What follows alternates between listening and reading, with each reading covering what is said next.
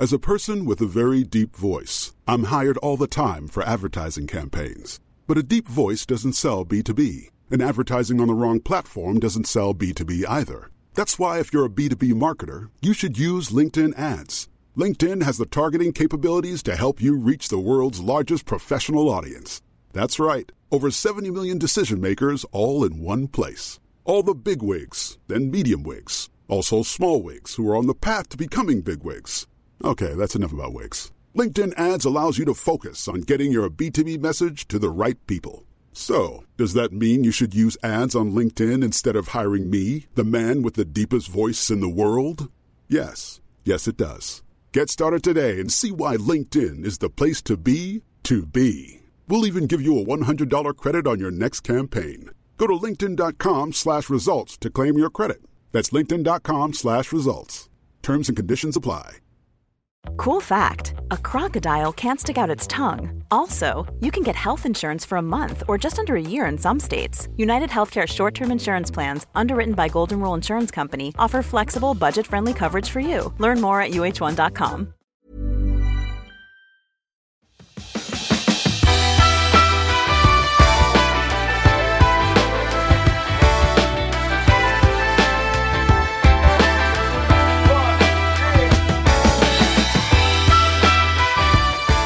Klimakteriepodden har ju som bekant publicerat mer än 200 avsnitt och jag kommer själv inte ihåg allt som har sagts. Ibland blir jag faktiskt förvånad när jag lyssnar tillbaka på avsnitt och tänker så här, vilket otroligt bra och intressant avsnitt, om jag nu får säga så själv.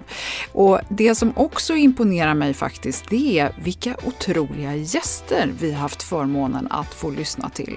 Så att jag måste ju bara säga här att jag kan inte låta bli att tänka att det måste vara några avsnitt som är värda att repetera. Och jag vet ju att det är många lyssnare som dessutom har tillkommit under resans gång sedan sommaren 2017 när det första avsnittet eh, publicerades. Och det finns ju alltså en mängd med saker som tål att upprepas. Jag eh, har nu utlovat tre repriser där vi ska tala om stresshantering och reducering av densamma. Lite verktyg och tankar kring det här och förståelse. Och jag tror att det här som vi hörde i förra avsnittet med Cecilia Tibell, att vi underskattar vår stress i mångt och mycket, det tror jag faktiskt kan vara värt att ta till sig. För det är någonting som jag själv faktiskt har funderat en hel del på de senaste veckorna. Och nu har jag valt ut ett par väldigt, väldigt uppskattade avsnitt och några av mina absoluta favoriter. Så jag hoppas att du tycker om det här och att du tar dig tid att lyssna på det här. Så välkommen!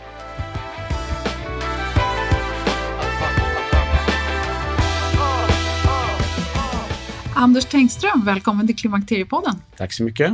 Det är spännande att ha med dig, för du är legitimerad psykolog och docent i psykologi vid Karolinska institutet i Solna. Mm. Och eh, du har under de senaste 15 åren lett kliniskt inriktad forskning på eh, framförallt rörande psykisk ohälsa, missbruk och sociala problem. Både unga och vuxna. Ja, det stämmer.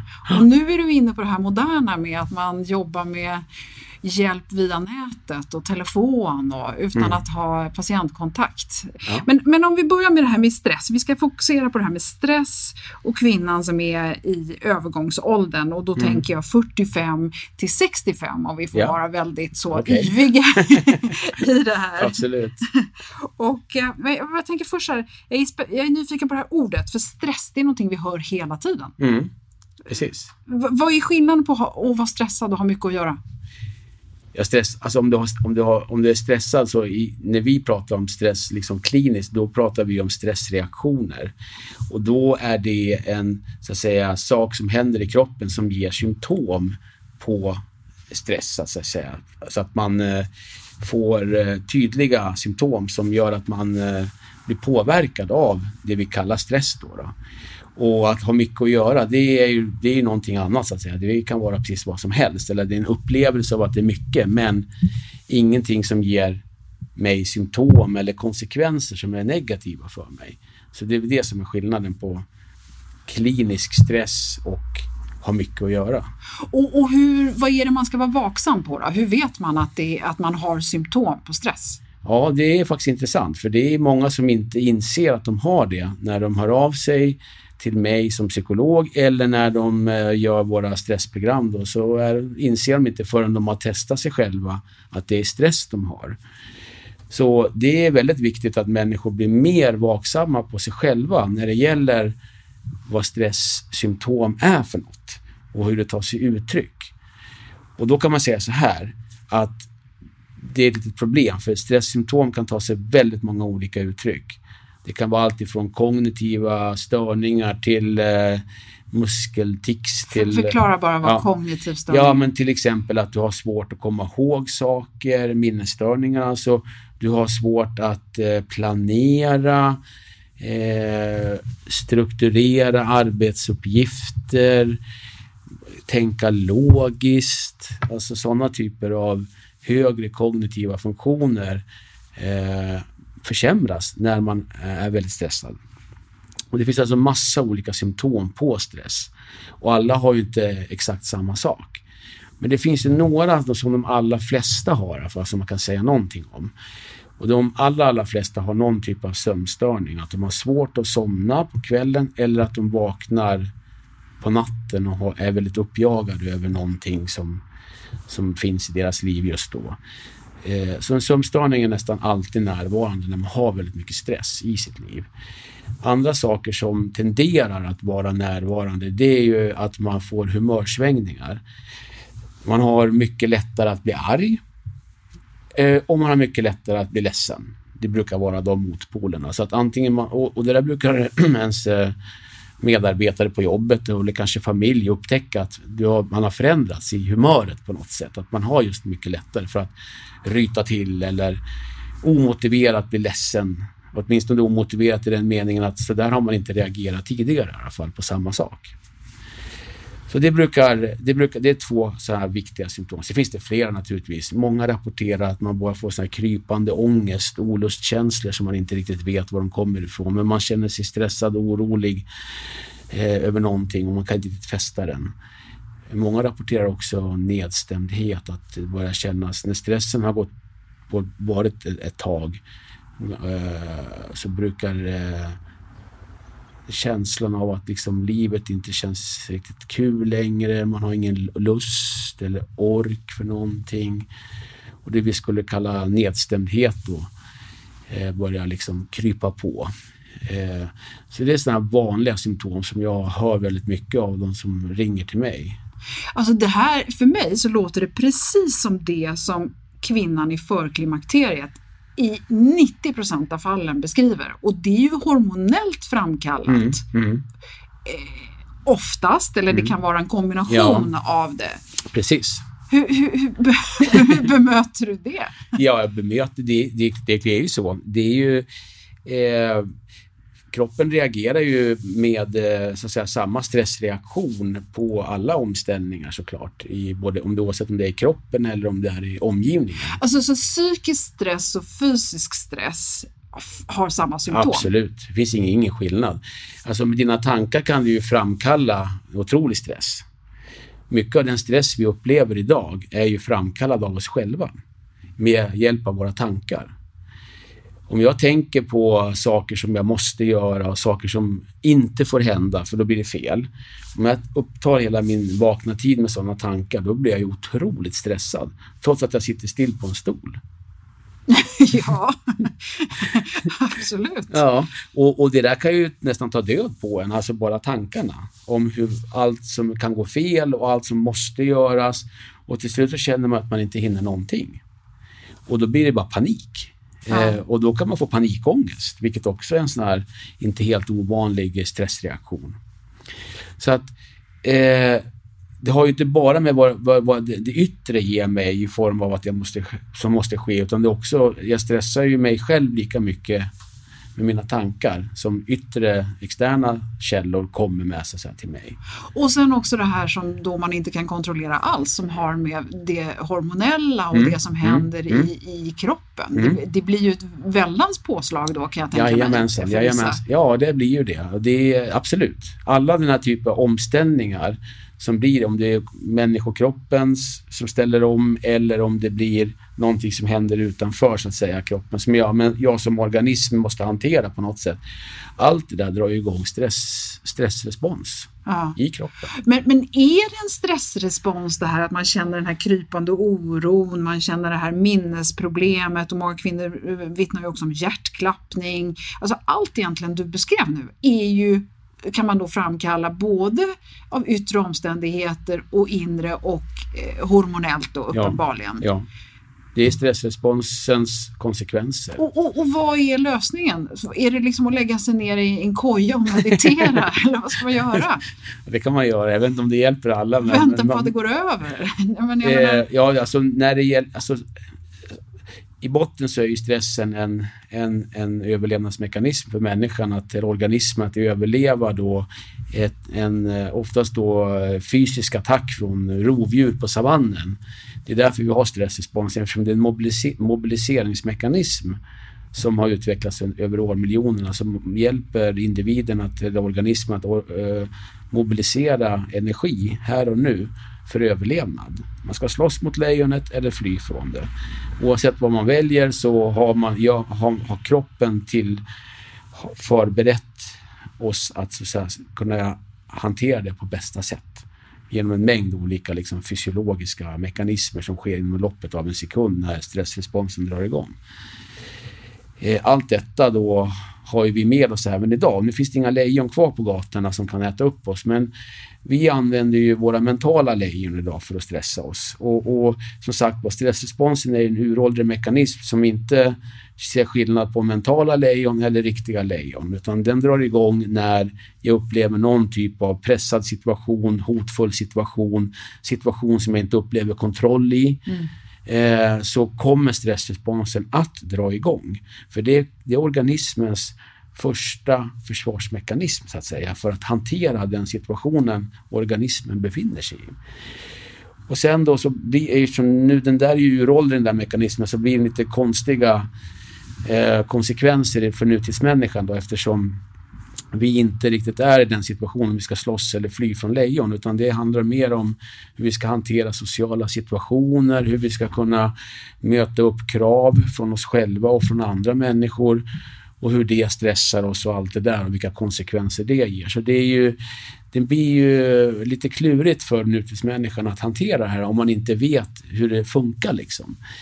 Och i botten så är ju stress, stressresponsen då i, i nutida mening signaler från kroppen att den inte riktigt orkar med den belastning den utsätts för över tid.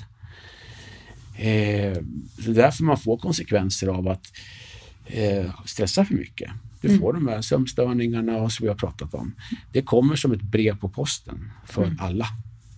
Och då vill jag ha lösningen. Och lösningen på detta är ju då självklar. Man måste helt enkelt på något sätt minska exponeringen för det som stressar en. Om jag inte gör någonting åt den så att säga exponering. Det kan vara mina egna tankar. Det behöver inte vara yttre saker. Det kan vara mina egna tankar. Eller det kan vara yttre saker. Men oavsett vad det är, så det måste minska på ett eller annat sätt. Eh, eftersom kroppen skickar signaler, det här är för mycket. Man måste se de här stresssymptomen som signaler på att om du fortsätter så här så kommer jag inte som kropp att orka med det här.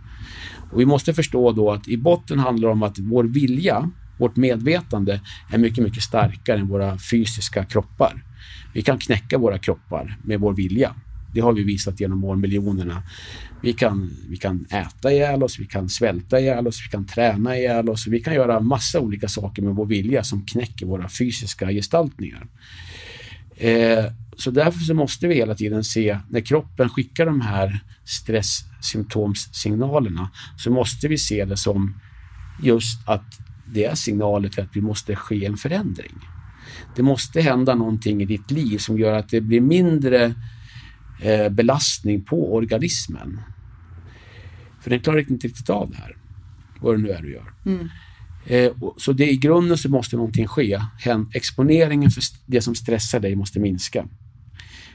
Och, och det, hur den lösningen ser ut, den kan ju se väldigt olika beroende på vad det är för något. Och är det på jobbet, ja, då handlar det oftast om att försöka skapa mer kontroll över arbetsprocesserna, för det är oftast det som ligger till grund att man känner sig väldigt, väldigt stressad. Man känner aldrig att man blir klar med någonting. Man hinner inte det man vill göra. Och det är massor med så processer som man inte fixar och hinner med, upplever man. Så det handlar oftast om att antingen, ja, försöka boxa in vad, när är jag klar med någonting, när kan jag släppa det, när kan jag gå vidare till nästa sak. Eh, så det är viktigt. Eh, den andra är också att man kanske ska arbeta mindre. Alltså att arbetsbelastningen är för hög. Det är för mycket som ska utföras på för, för lite tid. Så att man inte hinner med man får pressa sig stenhårt varje dag. Det orkar inte kroppen med över tid. Det kan gå ett antal år men ni kommer inte att fixa det liksom en hel arbetsliv. Så där eh, kan, måste det kanske hända någonting. Sen, sen kan det vara tankar som sagt var. Många människor idag eh, lever sin, sina liv i tanken och känslan om sig själva. Vi är väldigt fokuserade på oss själva, hur vi mår, hur vi tänker, hur vi känner över olika saker som händer runt omkring oss. Vad som är viktigt i våra liv. Hur ska jag, hur ska jag lyckas bli den jag vill och vad, vad vill jag bli? Eh, och hur kommer jag dit? Alla sådana här tankar om livet, mig själv, kan ju stressa mig. Mm.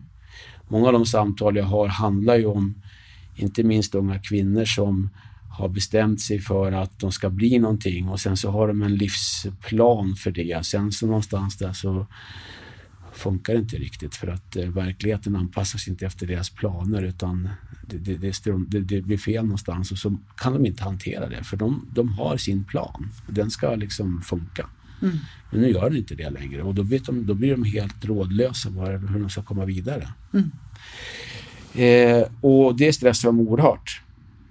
Att deras plan inte funkar. Det är kanske det som stressar dem mest, att deras plan inte fungerar. Mm. Så då måste, de, eh, då måste de hitta någon väg runt det där och liksom hitta nya parametrar som blir viktiga för dem så att de kan liksom skruva på det där så att de kommer vidare. Mm. Och deras kroppar är fullständigt sönderstressade. De har massor med symptom. Och då kan inte fortsätta så för då kommer de att springa in i väggen och så kommer de bli förtidspensionärer innan de är 40. Mm. Men, men om vi kommer tillbaka till den här kvinnan som eh, upplever hormonella obalanser som också skapar stress på kroppen. Mm. Mm. Eh, när jag lyssnar på dig nu så känns det nästan som att den stressen kanske också är framkallad av annan stress. Alltså om du upplever väldigt mycket hormonella besvär som tar sig uttryck i allt det här du precis mm, har sagt, mm. sömnstörningar och alltså nu mm. vet vi att vallningar till mm, exempel ja, också ja. är en, en, faktor i det här. Men just den här krypande oron mm, och den här utmattningen och koncentrationssvårigheterna och, och så vidare. Eh, Menar du att den teoretiskt skulle kunna vara värre då för att man utsätter kroppen för stress på andra sätt? Absolut. Och, och, och skulle det i så fall betyda att man inte behövde ha några övergångsbesvär om man var väldigt avslappnad och ostressad? det, det, kan jag inte svara på, men, men definitivt, alltså allting hänger ihop. Om, om jag då som kvinna då i, i, den, i den åldern som, som går in i, i klimakteriet är väldigt pressad, alltså som rent eh, stressigt, jobbigt, mycket grejer som ska hända, höga krav, så kommer naturligtvis den här saken som klimakteriet i sig innebär, med de hormonella förändringar och allting annat, att bli mer, en större belastning mm. för individen. För att man, alltså, kroppen är en organism, den kan, det är ingen sak som Alltså det är inte svart eller vitt. Alltså den är belastad med en sak, sen kommer en till sak som ska belasta den. Alltså till mm. slut så kommer belastningen bli för hög. Oavsett var belastningen kommer ifrån, om den är hormoniell, om det är mina tankar eller om den är utifrån, chefen skriker på mig eller vad det nu är. Det spelar ingen roll var belastningen kommer ifrån. Det är fort, organismen kan bara hantera den på en sak, det är mest stressrespons.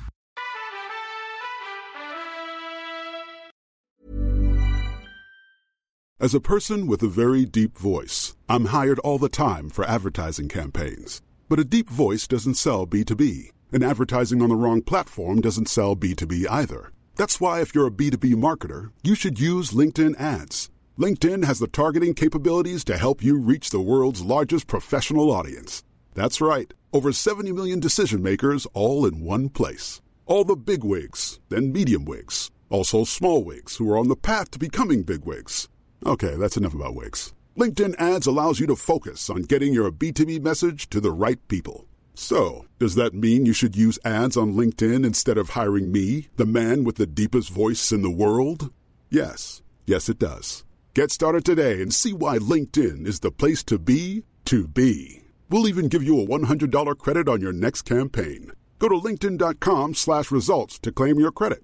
That's linkedin.com slash results. Terms and conditions apply.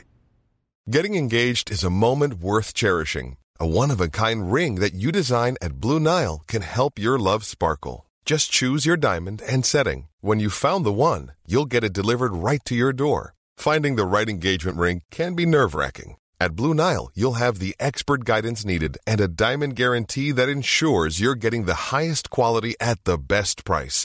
Cherish all of life's moments and save up to 30% at BlueNile.com. That's BlueNile.com.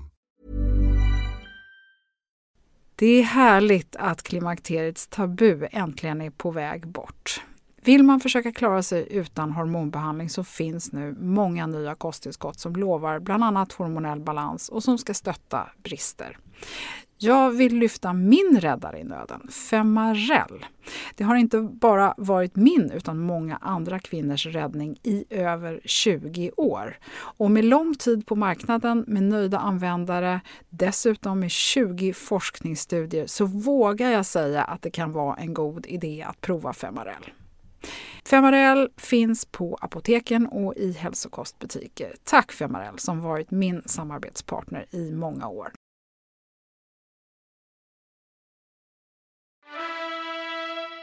Om man nu inser här, man lyssnar på dig och man, man känner här att man, man eh, är, har mindre motståndskraft, man orkar inte det här, bägaren håller på att rinna över. Mm. Eh, och du har redan nämnt det här med att man måste ta tag i jobbet och sin arbetssituation är ofta mm, en mm. stressande grej. Om man inte har det eller Nej. man redan har tagit tag i det, mm. vad, vad, gör man som steg nummer två? Ja, steg nummer två är ju att eh, se då vad är det för i mitt privatliv eller i övrigt liv som, som, som driver fram de här stresssymptomen. Oftast är det ju tankar som går i en eller annan riktning. Det kan vara att man har väldigt höga krav på sig själv att det ska vara på ett visst sätt och så klarar man inte riktigt av att leva upp till det. Det är vanligt. Lika vanligt är ju också att man inte tror att man klarar av saker, att man känner sig värdelös. Och att av den anledningen så blir man stressad över att eh, man inte fixar någonting och att det känns livet känns svårt och jag duger ingenting till. Det är också väldigt vanligt. Och det blir också stressande. Eh, för man kommer inte vidare. Man vet inte hur man ska göra till slut. Man klarar inte av någonting för att man känner sig bara dålig. Eh, då inser jag att det är tankar. Det har ingenting med den kanske yttre omgivningen att göra så mycket. Utan det är mina själv och egenproducerade tankar. Som hur jag väljer att beskriva mig själv och vem är jag och vad är viktigt för mig och var, varför gör jag det och varför gör jag inte det och sådana saker. Det är hela den frågan som handlar om livet och, den, den, vem, och frågan vem är jag och var är jag på väg någonstans. För det blir nästa fråga så småningom besvara oavsett om den är relaterad till jobbet eller privatlivet. Vad vill jag? Var är jag på väg någonstans? Oavsett om jag är 20 år eller 65 år så är jag på väg någonstans. Mm. Och den frågan måste få ett svar. För det är bara när vi kan svara någorlunda på den frågan för oss själva som vi kan känna att de här handlingarna som jag gör, de är meningsfulla för mig. Eh, och därför gör jag dem. Medan de här andra handlingarna som jag har gjort på rutin i 30 år, de spelar ingen roll egentligen. Jag har gjort dem av för att jag har känt att jag var tvungen att göra dem. Men är jag tvungen att göra dem? Om jag inte gör dem, vad händer då? Slutar jorden snurra då eller ja, vad händer? Mm. Eh, nej, det kanske den inte gör. Så alltså kanske kan strunta i dem till och med. Mm. Ja, och vad händer då? Ja, då får, jag, då får jag mer energi och mera tid till att göra saker som jag tycker är meningsfulla. Mm. Och de där processerna, om man är väldigt stressad, eh, så måste man alltså lösningen på stressproblematik är att börja göra saker som känns meningsfulla för mig och ägna min energi åt det och skära ner på sånt som är mindre prioriterat än det jag faktiskt prioriterar. För jag, jag kan inte göra allting. unga människor vill ju, tror ju oftast man kan fixa allting och göra tusen saker samtidigt, men det går ju inte. Och därför så behöver många lära sig genom livet att man måste fokusera på det som är viktigt i livet och därför också kunna, för att kunna må bättre då. Mm.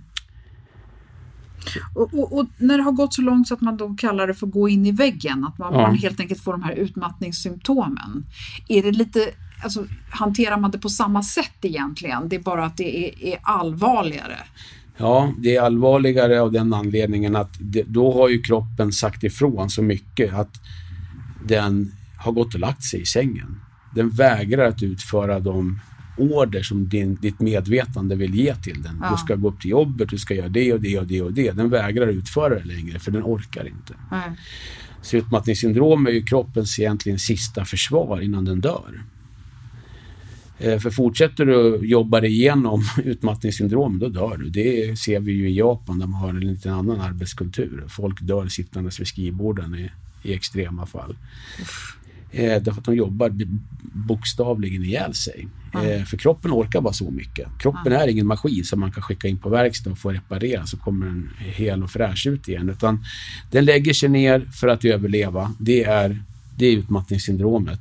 Att komma tillbaka från ett utmattningssyndrom är svårt. Eh, av den enkla anledningen att kroppen, när den kommer tillbaka låt säga, till den gamla arbetsplatsen igen, så är den mycket mer känslig för stress. Mm.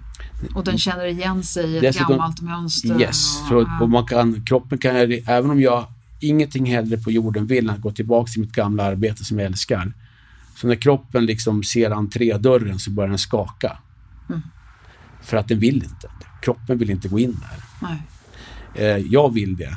Men kroppen är mycket känsligare för stress så att det blir svårt att Alltså väldigt få klarar av att bara gå tillbaka och göra exakt samma sak som man gjorde tidigare. För det leder nästan alltid fram till en ny utmattningsdepression. Ja. Så att man måste ändra någonting. Eh, och och det, då, då det blir det här viktiga, vad är det jag ska göra med min tid så att det blir meningsfullt för mig. Det är, det är där man, den här andra processen kommer in med mig själv och vad jag vill och framtiden och allt det där. Det blir viktiga frågor att besvara för att annars är det bara lätt hänt att man går tillbaka och bara gör samma resa en gång till. Ja. Och det, det slutar sällan väl. Det känns ju så naturligt när du säger det tycker jag och det, det känns så självklart. Men för mig låter det lite som att vi är för dåliga på att lyssna på oss själva. Ja, vi är dåliga på att förstå så att säga, skillnaden mellan mitt medvetande och mina tankar och min kropp. Alltså ja. den fysiska gestaltning, den organism som jag är som människa så att säga. Eller som del av människorasen om man får ja. säga så.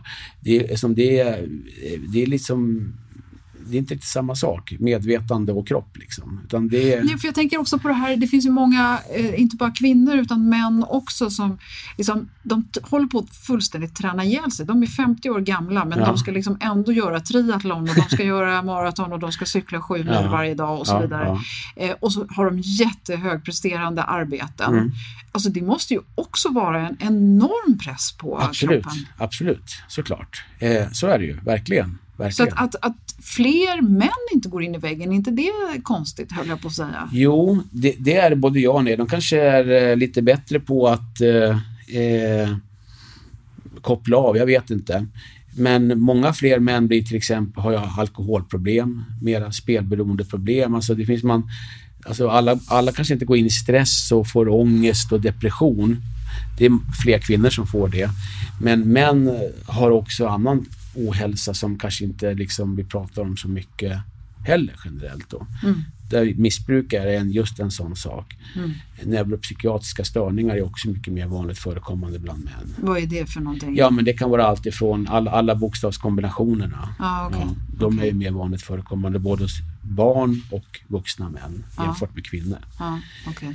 Så att eh, det, finns ju, det ser lite annorlunda ut kanske. Mm. Kanske inte alla män kanske inte stressar. Eller så kanske den manliga organismen mer tålig för stress. Det kan inte jag svara på. Men det är möjligt i alla fall att det finns en biologisk skillnad mellan en manskropp och en kvinnokropp mm. i medeltal. Men, men det innebär inte att, att män är mer förskonade från psykisk ohälsa i per se, utan de är mer förskonade från stressrelaterade besvär kanske. Mm. Men det finns andra områden där de visar mer av problem mm. än kvinnor. När, när vet man att man behöver gå till en doktor och ta tag i sina stressproblem eller gå till en psykolog och vad är vad? När ska man liksom medicinera och när ska man bara sitta och fundera eller meditera? eller? Det, ja, man ska gå när man börjar känna symptom som man normalt sett inte känner igen hos sig själv.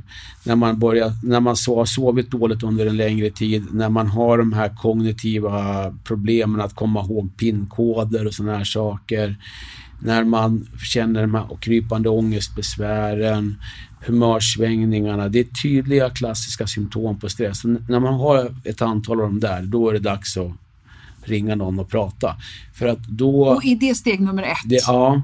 Jag tycker att om man, inte, om man inte vet vad det är, så att man inte vet vad, vad lösningen är också, då ska man ju ringa och prata med någon så att man kan få just diskutera, vad är det här? För mm. många vet inte vad det här beror på. De, de känner bara att det är massa symptom. Och vart ringer man då? Till vårdcentralen? Man kan ringa till vårdcentralen. Alltså man, kan, eh, man kan ringa till vårdcentralen och mottagningssystrarna där är ju väl förtrogna med det här.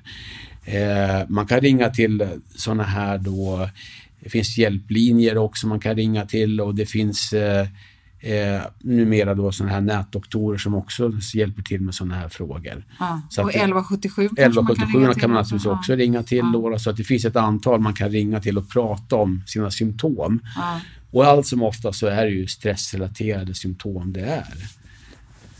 Och, när ska man liksom hamna i den här... Eh, eh, alltså är det vanligt att man sen då börjar bota det här med sömnmedel och antidepressiva medel och så vidare? För det får man ju en känsla av att väldigt många äter sådana här preparat. Ja, absolut. Eh, och det, stress Anledningen till att det har blivit mer av den beror delvis på att folk är mer stressade idag och att det går att lösa en del av symptomen på stress med mediciner. Till exempel med, hjälpa till med sömnstörningar. Eh, mår, jag, mår jag lite, känner jag mig liksom låg och inte har någon liksom känslotoppar och känslodagar utan bara flat mm. känslokurva om man ska säga så. Eh, så går det att kanske hjälpa till lite grann med antidepressiv medicinering. Så visst. Men det är väl inte lösningen? Nej. För du tar det, ju bara bort symptomen. Exakt, exakt. Så det är inte lösningen på någonting och det är ju ingenting jag rekommenderar heller utan lösningen är den jag sa. Man måste minska exponering av det som stressar dig och du måste börja besvara frågor för dig själv. Vad är viktigt i mitt liv så att jag använder min energi till det som känns meningsfullt för mig och försöker skala ner så mycket som möjligt av det andra. Det är ju den så långsiktiga lösningen på att inte leva ett stressfullt liv. Eh, sen behöver en del hjälp på vägen för de har, de har panikångestattacker och de vet inte hur de ska hantera det. De, de kanske inte behöver äta ångestmedicin hela tiden men de kanske måste ha en tablett så att de vet att de har den med sig när de, så att de känner sig trygga. Mm. Annars kan de inte gå ut ens. De sitter mm. hemma för de är rädda att få panikångest när de är på gatan. Och likadant med sömnstörningar. Ibland för att få bukt med liksom sömnproblemen så måste man få folk att sova. För om de inte sover, då, då blir, man, blir man helt irrationell. Mm. Då fungerar man inte överhuvudtaget. Så att ens för att kunna ta tag i problemen så måste man sova och då kanske man måste ha insomningstablett så att man faktiskt somnar på kvällarna. Mm. Så att man sover mera kanske sammanhängande på natten så att man orkar ta tag i livet. För mm. om du bara sover tre timmar per natt, ja, då kommer du inte orka göra några förändringar. Mm. För att göra förändringar så måste du må hyfsat bra. Mm. Och jag tänker också på att ibland kan hormoner vara lösningen eh, för en kvinna om det är övergångsåldern som liksom mm. är, blir droppen. Ja, Absolut, så kan det vara där också. Ja, visst. För att det känns ju som att det är fel att mota, alltså det gäller ju att ta reda på vad som är vad först, mm. egentligen kanske. Ja, Eller vad är det som är droppen? Men det kan ju vara en kombination av alla de här olika faktorerna. Ja, det är alltid så. Det finns aldrig en orsak till liksom att en sak liksom växer ut så här eller blir någonting, utan det är, det är oftast en kombination av olika saker som gör att man hamnar där man hamnar då i, i en sån här situation. Mm. Så det, det, går liksom inte att säga att ja, men om man bara gör det, tar bort det, då kommer allting bli bra. Utan mm. nej, utan det brukar oftast vara ganska komplexa saker. Mm. Eh, om man nu efter det här samtalet blir nyfiken på att mäta sin stressnivå så, så vet jag att eh, du pratade lite i början om att det finns olika såna stresstester. Ja, precis. Kan du rekommendera hur man gör utan ja. att man blir alltför stressad när man ska mäta Eller hur? hur Ja, det finns många olika stresstester. Ett som jag kan inte gå i god för, det är ett som vi använder i det företaget jag jobbar då som eh, finns på eh, webbadressen då www.pappeli.com. Där kan man göra ett stresstest och, som är liksom ett vetenskapligt väl utprovat test och de svaren man får där, det är, de, de brukar säga rätt mycket om hur stressad man är. Mm. Det är en screening så det är inget liksom uttömmande test men det är en indikation på här och nu hur stressad jag är. Mm. Och sen om den stressen beror på eh, inom alltså psyke, fysiskt, hormoner eller vad det nu är så spelar det egentligen ingen det har roll. Ingen, det har ingen praktisk... För, för, för människokroppen spelar det ingen roll var den kommer ifrån. Nej. Den kan bara reagera på ett sätt på stress. Mm. vad ska man göra mer för att liksom försöka, om man nu känner, sitter här och lyssnar och säger men jag är inte stressad, jag vet att jag inte är stressad. Mm. Hur, hur behåller man sitt lugn? Ja, precis. Det är, och många har, vet ju hur man gör. Många har ju utvecklat olika strategier, egna strategier genom åren. Det som brukar känneteckna dem, det är ju att man försöker leva här och nu. Att man inte flyr in i framtiden. Till exempel med att eh, åh, ja, nu är det jobbigt men eh, på, snart är det, om fem månader semester, då får jag vila. alltså om du nu överlever vill säga. Mm. Eh, alltså, utan Eh, eller bakåt. Att åh, det var bättre förr och tänk på den tiden, då kunde man, ja då var det så och nu är det bara skit allting. Alltså att man försöker hålla sig här och nu så att man, för livet fortgår ju här och nu.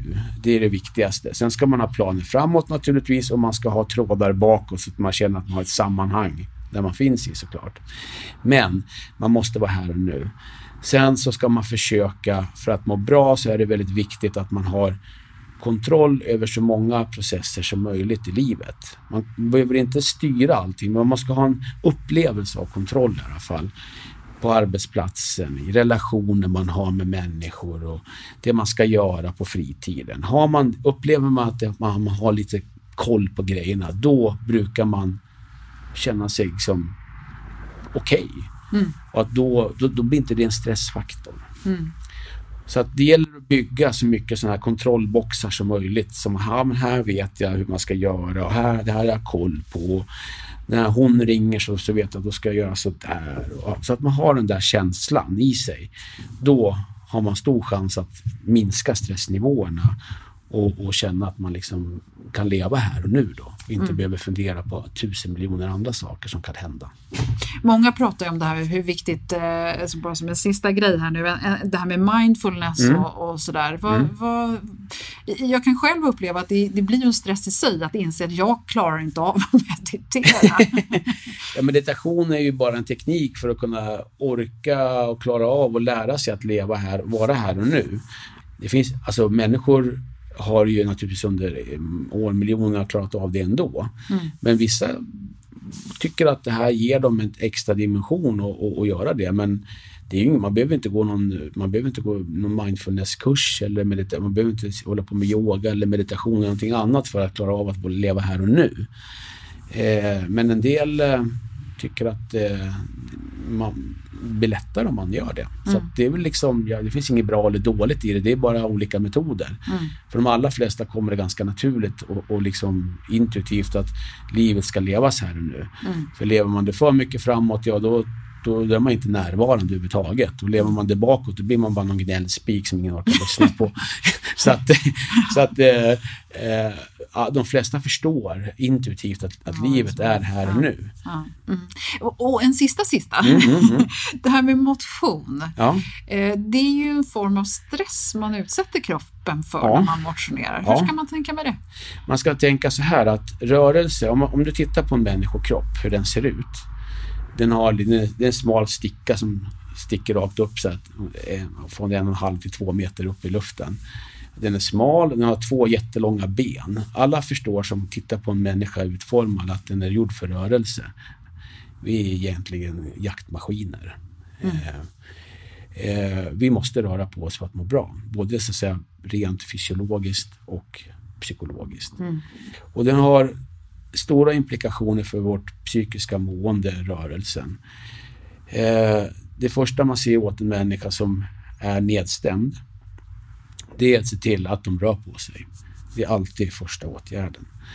Bara genom att röra på sig människokroppen, en promenad eller gå i en trapp eller vad det nu kan vara, gör att eh, man fokuserar på någonting annat än sitt dåligmående och bara själva rörelsen i sig gör att man mår lite bättre. Mm. Eh, sen kan man träna och man kan hålla på med det ena eller andra. Kroppen, eh, så länge det är inom rimliga gränser är det bara bra. Nej, men som du säger, blir det för mycket, då blir det en belastning mm. som ökar på stressen. För att eftersom om man, om man så att säga pressar kroppen hårt med träning väldigt ofta så kräver kroppen massa energi för återhämtning. Och ger man inte kroppen den återhämtningen i form av sömn, mat, vila, eh, då, då bryts kroppen ner istället. Mm. Och, och, då blir det en belastning så säga, mm. som bara adderar till eventuell annan belastning, mm. psykisk belastning. Då. Så att eh, träning eh, eller rörelse ska ske, men det ska vara inom funktionella gränser. Mm. Och, och, vill du träna till triathlon och liksom lägga ner tid på det, då vet du, då innebär att du kan inte göra så mycket annat heller. Då får du fokusera på det för att människokroppen kommer inte klara av att göra det, jobba 40 timmar i veckan, ha en fyra barns familj och massa andra saker. Det kommer inte fungera. Mm. Oj, ja, mycket att tänka på. Och, och, nej, men väldigt spännande samtal. Mm. Ja, jag tror att vi kanske får anledning att komma tillbaka och, mm. och, och, gå mer in på det här. Jag tycker det är Just jättespännande. Det. Mm, är det någonting kul. som du vill lägga till som du tycker vi har missat i samtalet? Mm, nej, jag, jag, jag vill bara uppmana alla att vara vaksamma på, på just de här signalerna. För det är så dumt att eh, bara ignorera dem och springa vidare och tro att man fixar det. Och att man inte kommer att bli en av de hundratusentals svenskar som varje år får väldigt allvarliga stresssymptom och, och lider i onödan utav det. Mm, det får vara punkt. Det tycker jag också. Tusen tack Anders för att du kom till Klimakteriepodden ja, Jättekul idag. att jag fick komma. Ja, tack.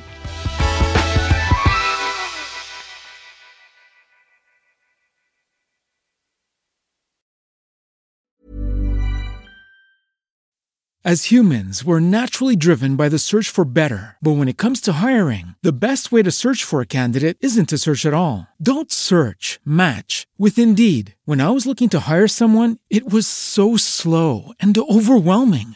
I wish I had used Indeed. If you need to hire, you need Indeed. Indeed is your matching and hiring platform with over 350 million global monthly visitors, according to Indeed data, and a matching engine that helps you find quality candidates fast. Ditch the busy work. Use Indeed for scheduling, screening, and messaging so you can connect with candidates faster. And Indeed doesn't just help you hire faster. 93% of employers agree Indeed delivers the highest quality matches compared to other job sites, according to a recent Indeed survey. And listeners of this show will get a $75 sponsored job credit to get your jobs more visibility at Indeed.com slash podcast. That's Indeed.com slash podcast. Terms and conditions apply.